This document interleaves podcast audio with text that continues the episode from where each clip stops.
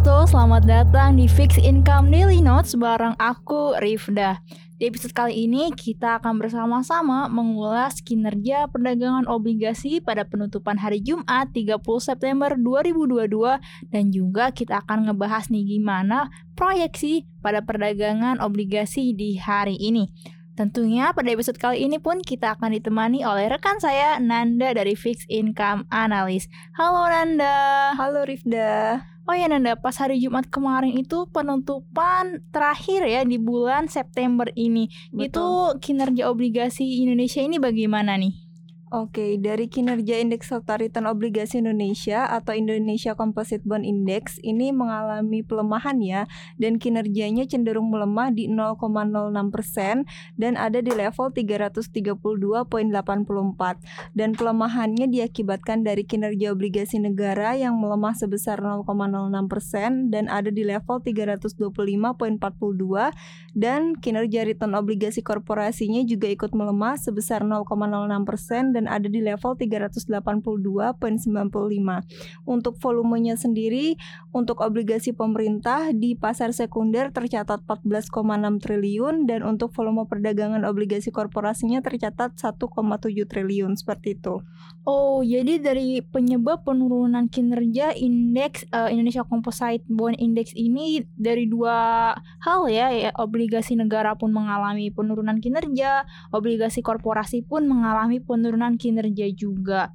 Lalu kalau kita bandingkan dengan obligasi Amerika obligasi di Amerika sendiri nih? untuk pekan lalu spread SBN 10 tahun dan US Treasury bertenor mencapai 342.1 basis point dan sekarang menjadi 354 3 basis point. Dan untuk yield obligasi Indonesia ini dengan tenor 10 tahun ada di posisi 6,67% persen dan mengalami pelemahan sebesar minus 6 basis point jika dibandingkan dengan sebelumnya dan untuk di US sendiri yieldnya naik sekitar 3 basis point menjadi 3,80% persen seperti itu. Oh, jadi spread antara SBN 10 tahun dan juga US Treasury bertenor ini makin melebar ya Nanda ya. Dari 342,1 basis point menjadi 354.3 basis point.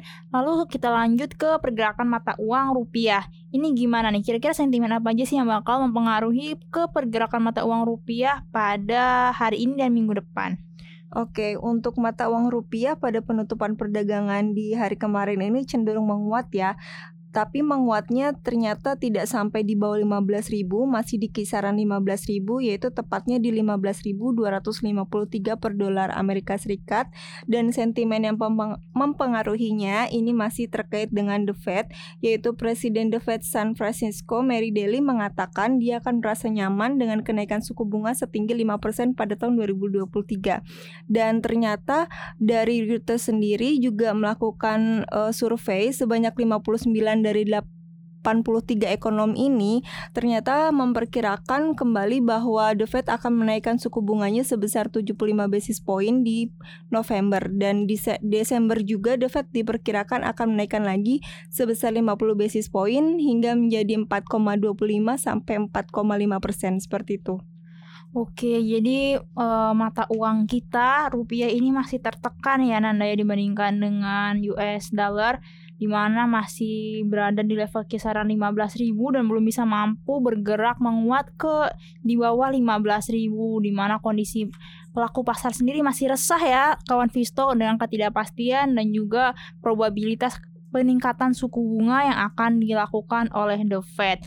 Lalu kita lanjut ke kondisi pasar obligasi Indonesia untuk seri benchmark yaitu uh, obligasi negara dengan tenor 5, 10, 15 dan 20 tahun gimana nih Nanda? Boleh dijelasin nggak? Oke, okay, uh, eh, untuk yield soon seri benchmarknya sendiri dengan FR 90 di tenor 5 tahun ini ada di level 94.3 dengan yieldnya 6,67 atau mengalami pelemahan sebesar minus 6 basis point.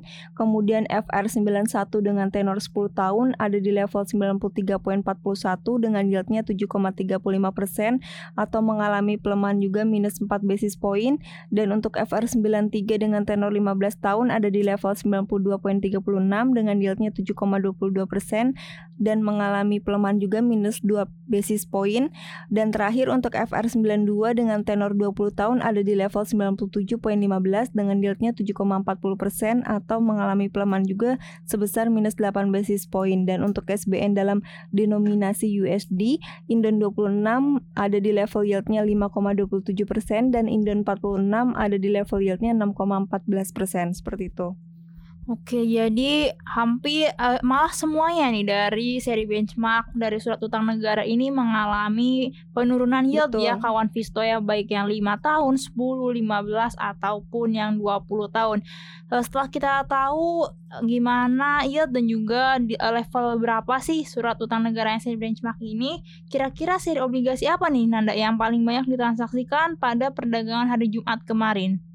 Oke, pada 30 September 2022 ini seri FR98 ya merupakan sun yang paling aktif diperdagangkan dengan volumenya mencapai 594 miliar dan untuk obligasi korporasi ada di obligasi berkelanjutan satu lontar Papyrus Pop and Paper Industry tahap 3 tahun 2022 serinya seri B yang paling aktif ditransaksikan dan volumenya mencapai 30 miliar seperti itu.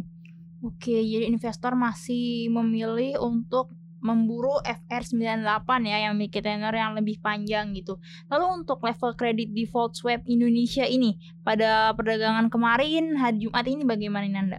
Oke, untuk level kredit default swapnya dengan tenor 5 tahun Indonesia ini per hari ini ada di level 159.53 dengan posisi tersebut mengindikasikan probabilitas default atau gagal bayarnya sebesar 2,66% dan posisinya ternyata mengalami peningkatan sebesar 42,64% atau sebelumnya di tanggal 27 September 2022 ini ada di level 96,96 seperti itu. Oh, jadi level kredit default swap Indonesia ini naik ya Nana ya. Jadi probabilitas Betul. defaultnya ini meningkat menjadi 2,66 persen.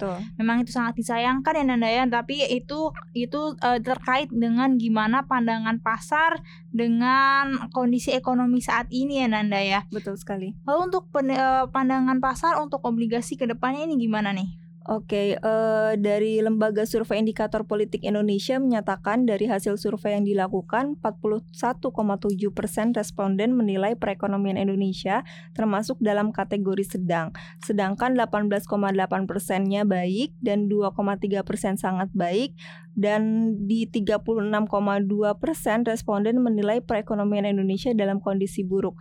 Sementara Bank Indonesia memperkirakan inflasi pada September 2022 sebesar 5,88 persen secara year on year, terutama dipicu kenaikan harga BBM pada awal September.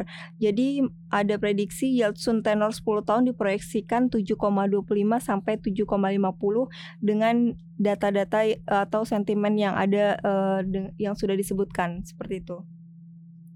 Oke kawan Visto, jadi untuk podcast Fixed Income Daily Notes hari ini bisa disimpulkan bahwa di tengah kondisi yang gak nentu ini, para pelaku pasar masih waspada ya karena The Fed ini masih diprediksi uh, masih bersikap untuk hawkish dan juga untuk meningkatkan tingkat suku bunganya. Sementara di Indonesia sendiri di tengah mulainya tahun politik, bahkan lembaga survei indikator politik Indonesia atau IPI menyatakan dari hasil survei yang dilakukan 41,7% responden menilai perekonomian Indonesia termasuk dalam kategori sedang.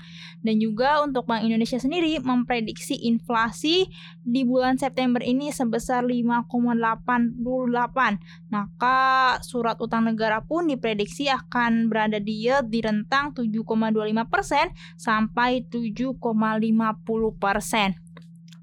Oke kawan Visto, untuk podcast Fixed Income Daily Notes hari ini kita sudahi di sini. Bagi kawan Visto yang pengen lebih tahu banyak tentang investasi, silahkan kunjungi investasiku.id. Investasiku for better tomorrow. Investasiku.